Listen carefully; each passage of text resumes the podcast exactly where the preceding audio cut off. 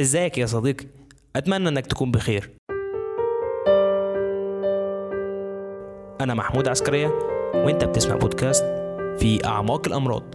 مستعد يا صديقي؟ هنخوض رحلة طويلة مع بعض. أتمنى إنك تستفيد في كل حلقة منها بمعلومة جديدة وتحافظ دايما على صحتك. فيلا بينا. رحلة إلى أمريكا. اصطحب فيها الفنان أحمد حلمي زوجته منى زكي لإجراء بعض الفحوصات الطبية. والاطمئنان على صحة منى لأنها كانت حامل. وكانت منى مصابة بفيروس نادر جدا بيصيب خلايا الدم وبتضطر لمتابعة حالتها كل فترة. وفي أثناء الرحلة دي أحمد حلمي حس بألم شديد في ظهره فقرر إنه يستغل تواجده في أمريكا ويعمل بعض الفحوصات. واكتشف أحمد حلمي إنه مصاب بورم. والدكاترة قالوا له إنه لازم جراحة عاجلة جدا لإزالته. وبرضه الدكاترة فهموه إن الجراحة دي ليها مخاطر كبيرة جدا ممكن توصل إلى الشلل. وكان أحمد حلمي شجاع جدا في مواجهة قرار زي ده. فأحمد حلمي قرر إنه يخضع للجراحة. وأحمد حلمي لم يبلغ أحد من أهله أو حتى أصدقاء المقربين بمرضه عشان ما يخافوش عليه. وعمل أحمد حلمي الجراحة وأتم الله شفاءه بخير.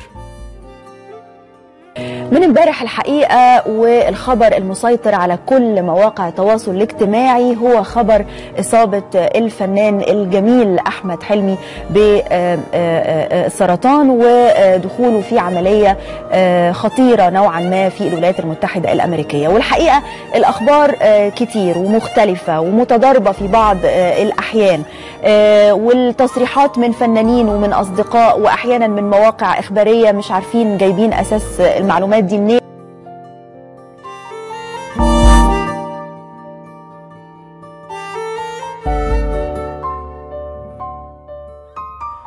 في 27 مارس عام 2005 اسودت شاشات التلفزيون المصري على رحيل النمر الأسود. أيوة بالظبط كده. أحمد زكي. وده بعد ما انتصر عليه مرض سرطان الرئة لأن أحمد زكي كان شديد التدخين. أحمد زكي سافر لفترة لفرنسا. عشان يتلقى العلاج. وبعد كده رجع لمصر وكان بيصور فيلم حليم وأصر أحمد زكي على استمراره في تصوير الفيلم على الرغم من الألم الشديد اللي كان بيشعر بيه في الفترة دي. في حوار سابق أجراه الطبيب أحمد البنا وده كان الطبيب الخاص بالراحل أحمد زكي قال إن أحمد زكي لما المرض بدأ ينتشر في أماكن في جسمه زي الكبد والمخ عانى من فقدان جزء في البصر. وده لأن الورم بدأ يضغط على أجزاء من عصبه البصري فخلى مجال الرؤية عنده محدود وغير كامل ما يقدرش يشوف الحاجات من الجنب. لازم الحاجة تبقى قدامه بس عشان يقدر يشوفها. وعشان تتكلم معاه كان لازم تبقى واقف قصاده على طول بشكل مباشر يعني. يعني ما ينفعش تكلمه من الجنب. وكان أحمد زكي بيداري الموضوع ده عن الناس اللي حواليه وما كانش حابب إن حد يعرف بكده. حتى توفى عن عمر يوناس 55 عام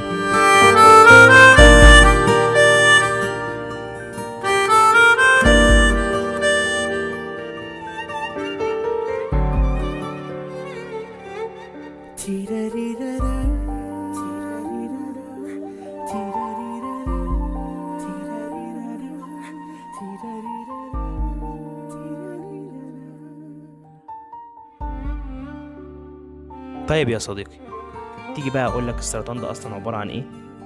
السرطان مرض بيتصف بنمو الخلايا بطريقة جنونية وفي حوالي 100 نوع من السرطان. طب إيه السبب في النمو الجنوني ده؟ السبب في كده إن الخلايا بتنحرف عن نمطها الطبيعي. بتنحرف آه بتنحرف بس مش زي ما جه في بالك. يا المنحرف يا الموجوز يا المنحرف.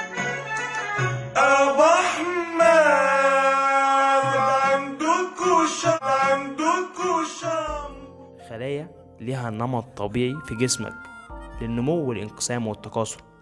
تغيير النمط ده بأي شكل من الأشكال بيبدأ يعمل خلل عندي خلل أو شذوذ عن الشكل الطبيعي. طب هي إيه الخلية أصلا؟ الخلية هي أصغر التركيبات الحية في جسمك. مثلا جسم الإنسان بيحتوي على خمسة تريليون خلية. ولو بتتلخبط في الأرقام زي كده التريليون ده واحد زائد 12 صفر. كل خلية بتتخصص في القيام بوظيفة محددة في الجسم زي الهضم والحركة والتفكير تحت الظروف العادية.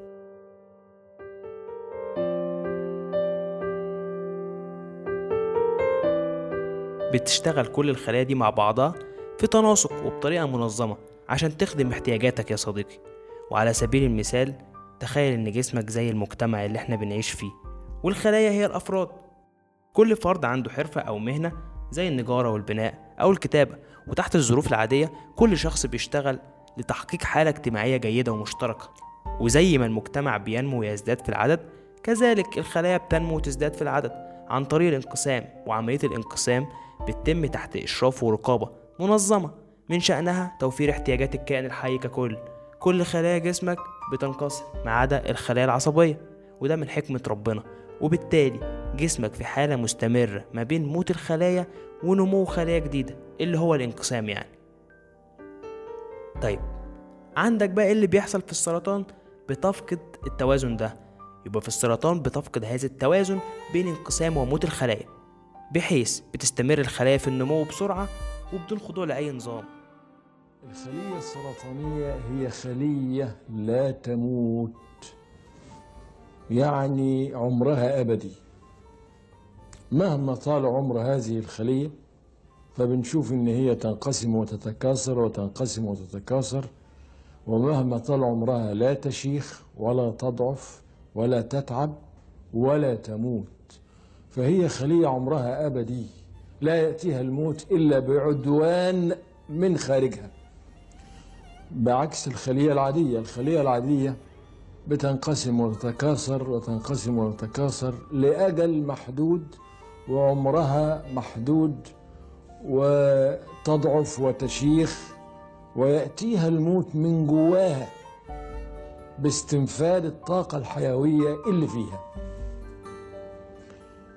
بينما الموضوع بيبدأ بانقسام خلية واحدة ثم إلى خليتين. بحيث إن أنت بعد 20 عملية انقسام هيبقى عندك مليون خلية سرطانية. وبعد 40 عملية انقسام يعني بعد 20 عملية أخرى هيصبح لديك تريليون خلية أخرى. متخيل معايا؟ وكل ده مش انقسام بمعدل طبيعي ده بمعدل سريع جدا.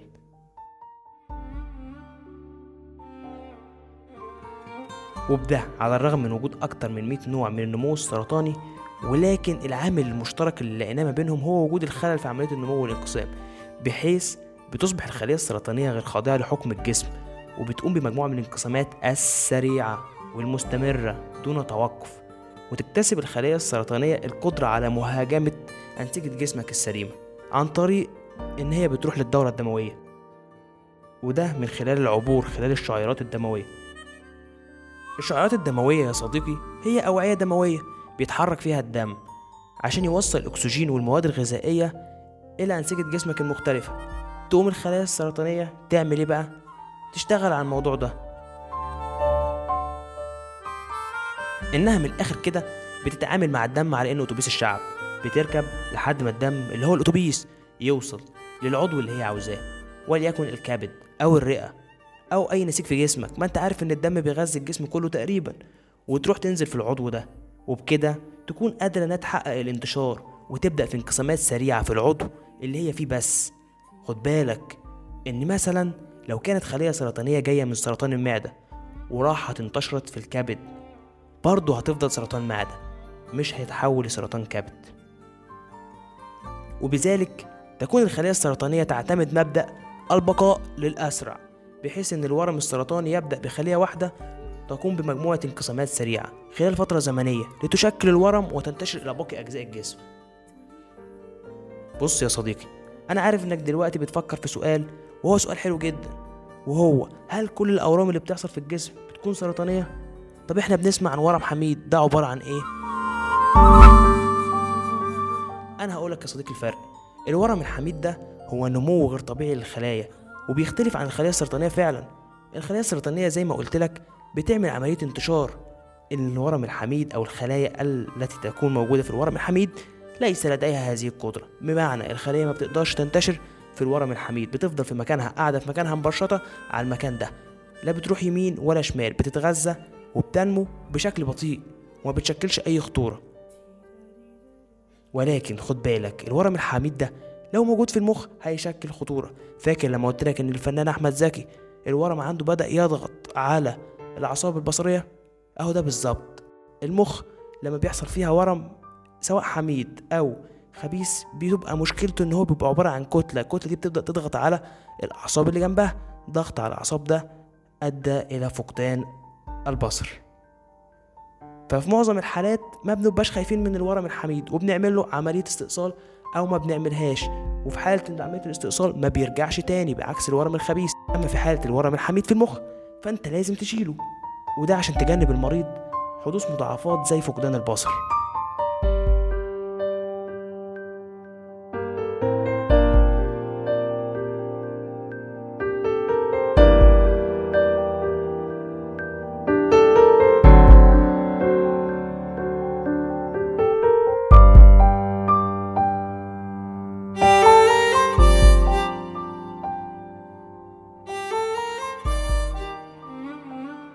بص يا صديقي نروح للغة الأرقام. وأنا شخصيا بحب لغة الأرقام وبحترمها جدا.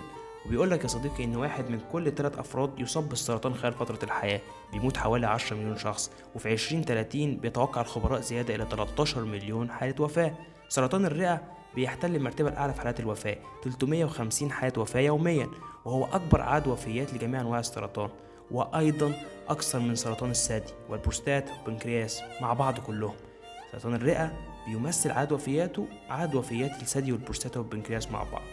بالرغم من التقدم في العلاج ولكن حوالي 50% من الأشخاص بيموتوا بسبب هذا المرض. وذكرت منظمة الصحة العالمية إن في 2020 كانت النسبة الأعلى للإصابة هي حالات سرطان الثدي ويأتي بعدها الرئة ويأتي بعدها القولون والمستقيم. يعد السرطان تاني أكبر أسباب الوفاة شيوعا بين الأطفال اللي تتراوح أعمارهم ما بين سنة و14 سنة في الولايات المتحدة الأمريكية.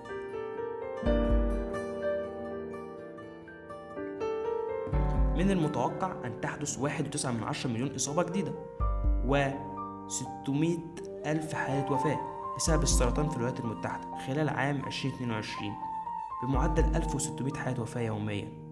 أنت خفت ليه؟ أنا مش جاي أخوفك. أنا بس بقولك الأرقام دي عشان تدرك معايا خطورة الموقف. أدركت يا صديقي خطورة الموقف؟ تعال أقولك أرقام تطمنك شوية.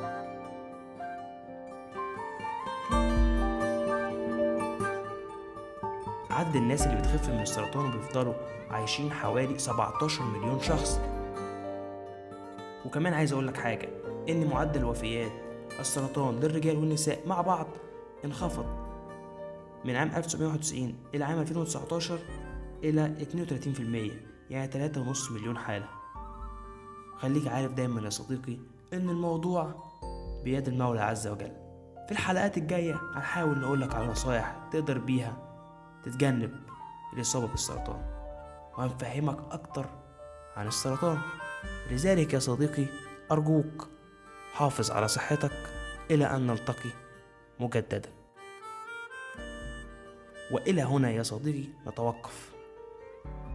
وتذكر جيدا أن صحتك هي أغلى ما تمتلك لذلك أرجوك حافظ عليها. سلام.